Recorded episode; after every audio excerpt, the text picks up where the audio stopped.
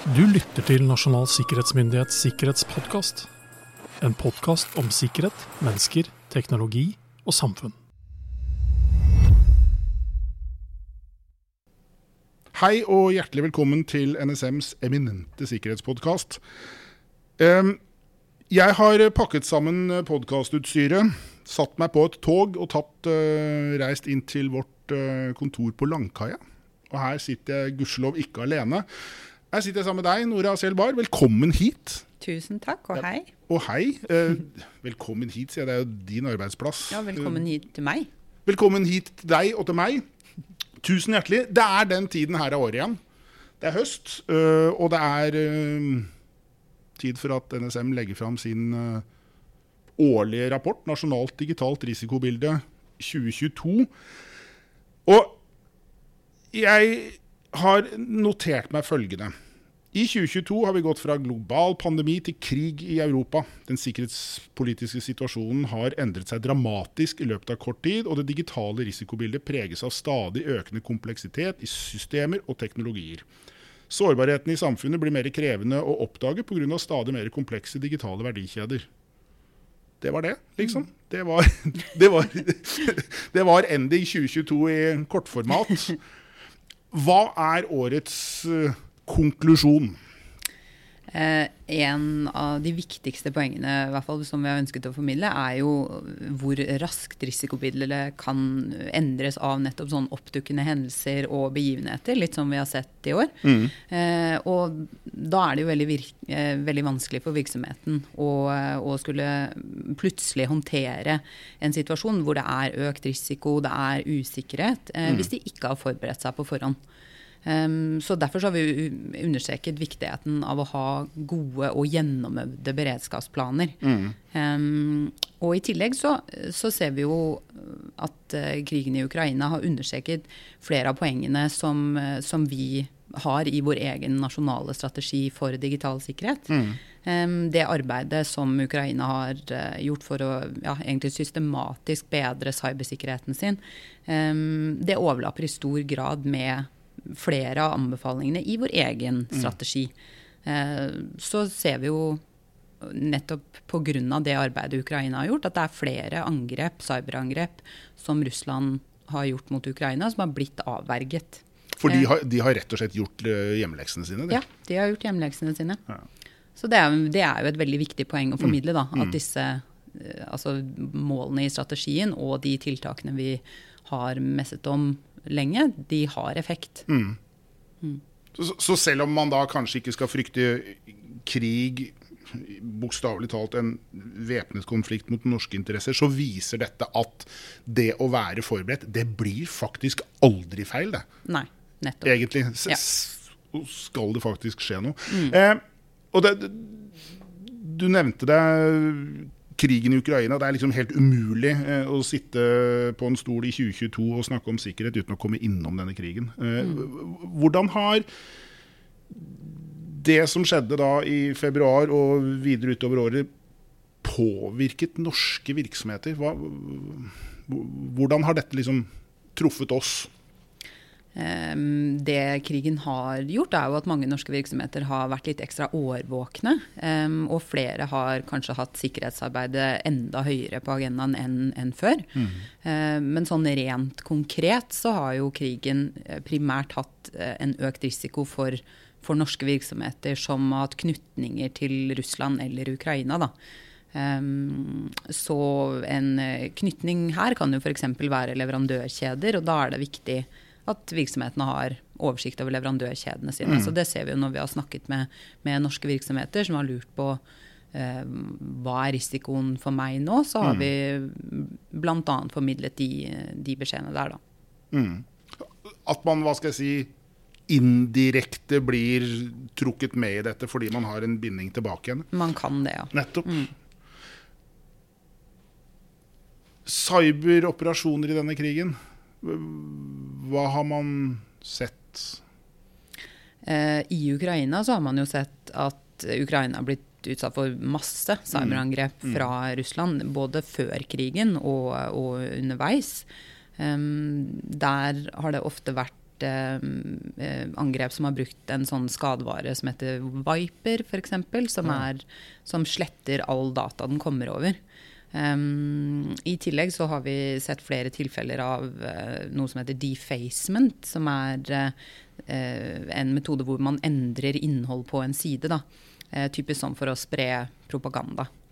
Var, var, det en sånn hendelse hvor noen hadde tegnet utenriksministeren som en sånn sånn figur? Var det, oh, ja, I Norge, ja, tenker du på? Var det ja, noe tilsvarende? Eh, ja, nei, det var jo Det ble jo spredt gjennom, eh, gjennom et tjenestenektangrep. Ja, det var det, stemmer. Eh, men det, det, kan sikkert uh, minne litt, ja. Men det er jo spredt sånne type bilder da, i Ukraina, hvor de har endret innhold på myndighetsnettsider, f.eks. Så har de eh, publisert noen bilder som ikke myndighetene ville ha publisert på sidene sine. Ikke sant. Den klassiske. Ja. Eh, så ja, det er jo nettopp eh, også tjenestenektangrep mm. Eh, har jo Ukraina også opplevd masse av fra, fra Russland. Det er jo et sånt overbelastningsangrep mot en nettside, bare da, som ja. gjør nettsiden utilgjengelig. Tilsvarende det vi så mm. mot norske ja. nettsteder nå, det var vel før sommeren. Ja. Ja. er det noen har sagt at det første offeret i krig er sannheten. Eh, kampen om fortellingene, kampen om narrativet, kampen om sannheten. Mm. Hva kan du si om det? Hvordan eh, vi, har, vi, har, jo sett, og det var jo litt inne på um, nå med disse cyberoperasjonene som vi har sett i krigen, og det er jo at nettopp informasjon blir brukt som et sånn militærstrategisk virkemiddel, mm. rett og slett. Og det, det, kan det jo se ut som at um, bl.a. amerikanske myndigheter tenkte på på forhånd når de um, valgte å gå ut med en del uh, etterretningsvurderinger, rett og slett, ja, ja. Uh, i, i uh, liksom opptrappingen og, og, da krigen startet. sånn at man skulle få mer informasjon enn man vanligvis ville sittet med. For der gikk jo amerikanerne mm. ut med informasjon som det var Det var jo flere av oss som var helt hva skal jeg si, overrasket mm. over at de faktisk gikk ut med så mye informasjon. Ja. Og det, var det da liksom for å hindre at noen kunne fortelle en annen historie, fordi man si, allerede hadde fortalt hva som kom til å skje. Mm. Hvis, no, hvis, noen sier noe annet, så stemmer ikke dette. Mm. Det kan jo i hvert fall ha sett ut som det var et forsøk på å, å gi mer informasjon nettopp for å, for å, forhindre at det kun er eh, det vi vil anse i hvert fall som desinformasjon, da, som mm. blir spredt på, på mot, motsatt side. Mm. Mm. Det, det, det, det, slår meg jo nå eh, Da jeg var eh, 14-15-16 år og skulle sitte og skrive særoppgave på skolen, så var liksom informasjonen var det du hadde i bokhylla hjemme. Aschehougs konversasjonsleksikon.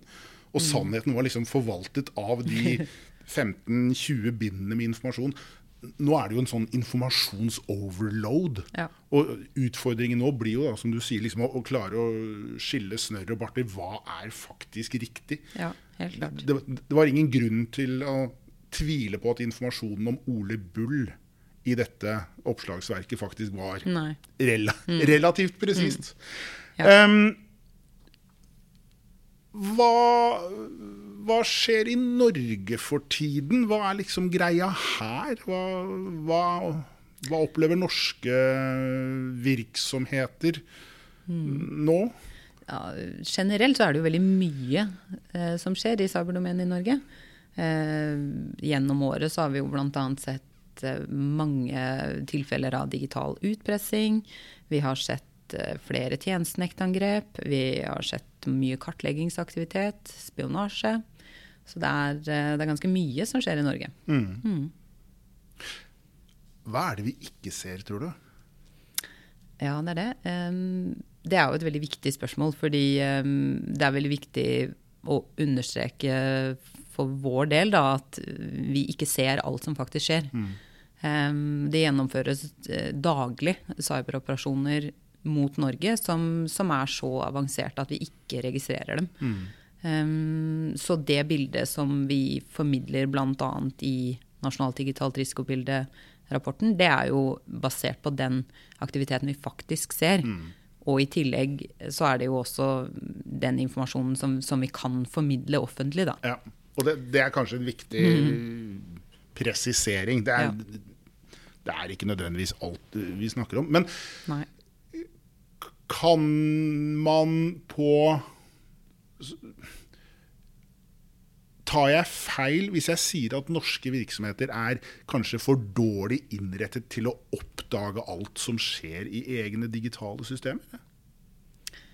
Eh, ja, det kan det jo absolutt ja. Eh, tenkes. Ja. Mm. At man rett og slett ikke får med seg at mm. ting skjer. Ja, men det er jo, og det er jo litt fordi at angrepene og aktørene er i mange tilfeller såpass avanserte mm. at og hvis de ønsker å ligge skjult i systemene, mm. eh, så har de kanskje mulighet til det. Ja. Mens hvis virksomheten utsettes for, eh, for digital utpressing f.eks., så blir jo det veldig fort veldig synlig. Ja, det, da, det ligger litt i sakens natur. ja, natur. det ligger litt i sakens natur at da dukker det opp på skjermen din nesten ja. med en gang. Ja. Men hvis noen vil ha informasjonen din, så vil de jo helst ikke bli sett. Ikke, et sånt ikke-destruktivt angrep mm, ja. som rett og slett ikke synes. Ja. Mm hvem er det vi står overfor? Hvem er det norske virksomheter hva skal jeg si, møter som motstandere, som trusselaktører? Jeg vet at er veldig, det er veldig mange som spør oss om nettopp dette med, med trusselaktører og trusselbilder. Hvem er de? Eh, altså, Trusselaktørene eh, er for det første de, de, samme som vi har sett fra tidligere år. Eh, og det er et veldig bredt spekter av aktører som, som, som spenner fra eh, opportunistiske kriminelle til, til stater, eh, mm. rett og slett. Så, um, så det, det, bildet vi ser, samsvarer med, med, de aktørene som utpekes av Etterretningstjenesten og PST, f.eks. Ja, mm. I deres rapporter, ja, som kommer i februar hvert ja. år. Ja. ja. Er det... Er kan du si noe om hvilke samfunnssektorer som si, har vært rammet hardest av uh, mm. cyberangrep? Eh, I hvert fall gjennom det siste året så, så er det særlig tre eh, samfunnsområder som, som, vi ser har vært mye ramma. Eh, og det er eh, teknologi- og næringsvirksomheter. Eh, det er forskning og utvikling, og det er offentlige forvaltningsorganer. Så eh, jeg kan jo ikke gi noen eksempler på, på hvem dette gjelder, men, men, eh, det er jo veldig viktig at virksomheter som tilhører de, de sektorene, er årvåkne. Da. Ja. Mm. Og så vil jeg jo egentlig bare benytte anledningen til å si at det er jo ingen som egentlig er fritatt for Nei. digitale hendelser. Eh, På ingen måte. Det, det, blir litt som å rekke opp hånda og si at jeg vil ikke utsettes for uvær uh, i den fysiske verden. Det, det, klarer man ikke. Um, rett før sommeren så hadde vi jo da et, et sett med slike tjenestenektangrep. Skapte det, det, var jo hendelser som skapte mye De fikk mye oppmerksomhet. Eh, mm. og så har det rast eh, for så vidt en eh, debatt i ettertid om skal tjenesterektangrep liksom flagges så høyt. Hva er det, hva er det ikke? Er det et angrep?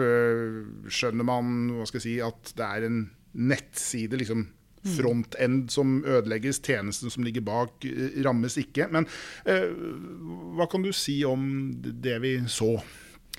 Eh, ja, i sommer eh, så var det jo en rekke eh, norske virksomheter som, som ble rammet av, av, sånt, av sånne tjenestenektangrep, som er sånn som jeg sa i sted, et sånt overbelastningsangrep mot nettsidene sine. Um, fra, fra, en prorussisk hackergruppe uh, som kaller seg Killnet.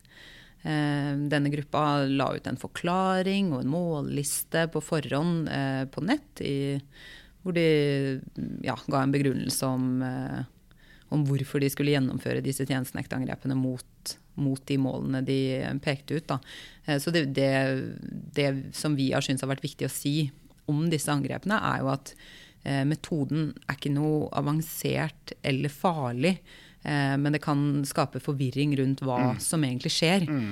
Eh, og blant annet så ble jo NSM sine nettsider eh, indirekte rammet, så de var nede i, i, en kort periode. Og da kunne det jo hende at noen trodde at noen av NSM sine tjenester var nede. Mm.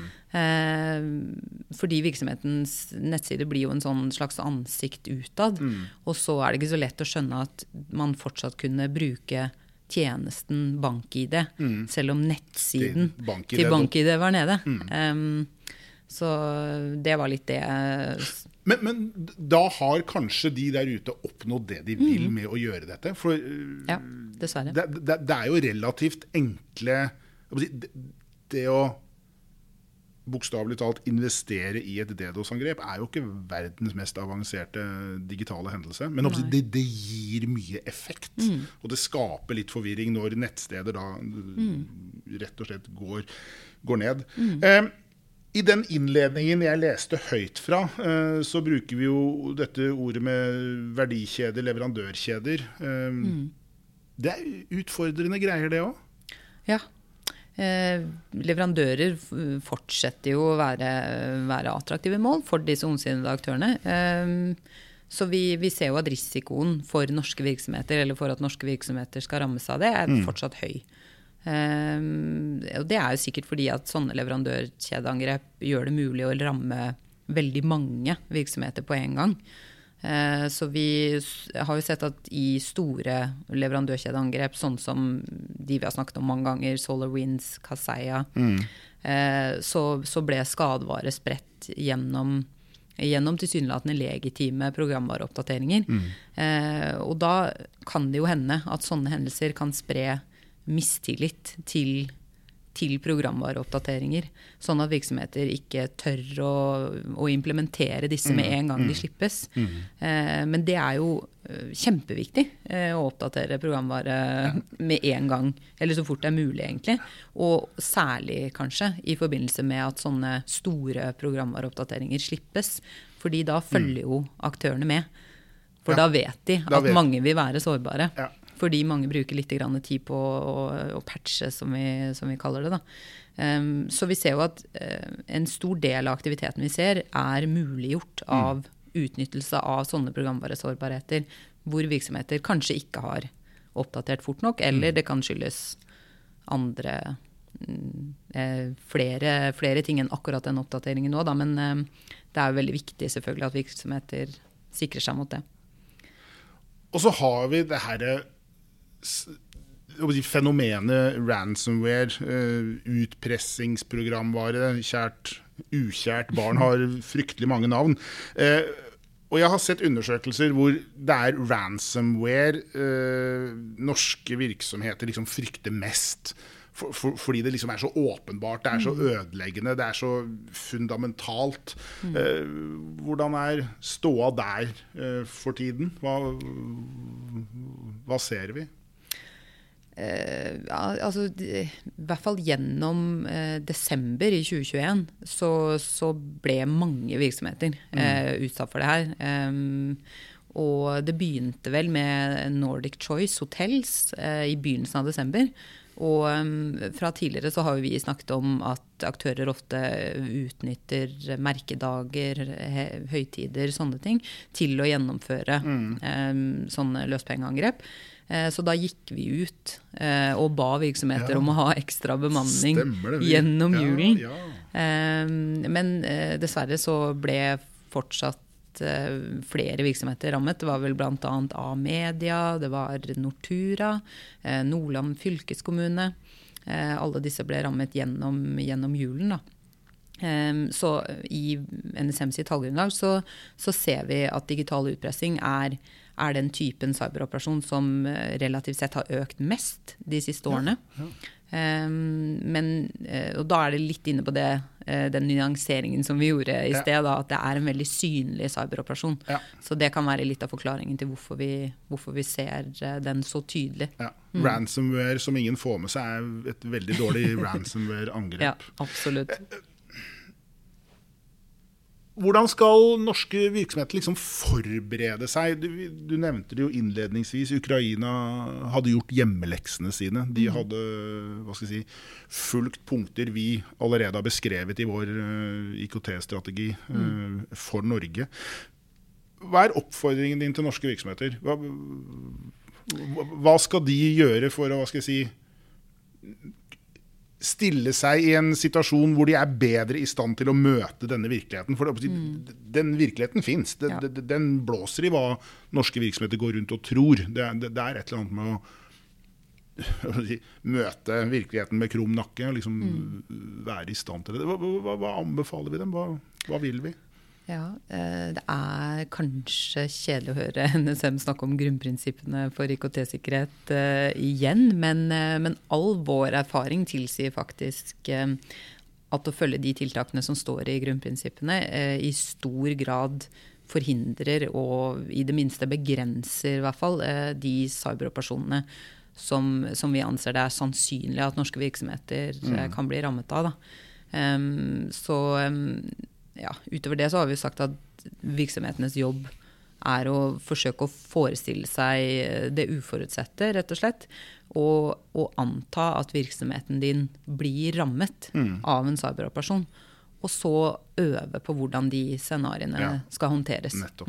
Og det, det, dette kan egentlig ikke understrekes nok, tenker jeg. Det, jeg, jeg si, det er for seint å begynne å øve når det har skjedd. Absolutt. Det er liksom for sent å begynne å bla i NSMs grunnprinsipper når skaden har skjedd. Og så blir det jo egentlig med, med dette som med alt annet forebyggende arbeid. Hvis du gjør det godt nok, så vil du kanskje aldri oppleve å egentlig ha øh, fått brukt for det. Nei. Vi har snakket om uh, grunnprinsippene i denne podkasten mange ganger tidligere. Vi har nevnt det nå. Vi kommer helt sikkert til å nevne det igjen. Og det, det håper jeg jo egentlig jeg si, er en indikasjon på hvor gode de er, eller si, hva de faktisk er. For si, det er grunnprinsipper. Det er noe grunnleggende ved dem. Eh, det er, en grunn, det er jo liksom rett og slett å sikre en digital grunnmur. Um, Grunnprinsippene ligger på, på våre hjemmesider. Det gjør også Nasjonalt digitalt risikobilde-rapporten. Uh, den er det da egentlig bare å laste ned og lese. Uh, oppfordrer egentlig alle til å fråtse uh, i den informasjonen som vi i Nasjonal sikkerhetsmyndighet legger ut. Dette er skrevet for mer enn bare virksomheter underlagt sikkerhetsloven. Dette, dette gjelder veldig veldig mange. Eh, Det gjelder vel strengt tatt alle, eh, når alt kommer til alt.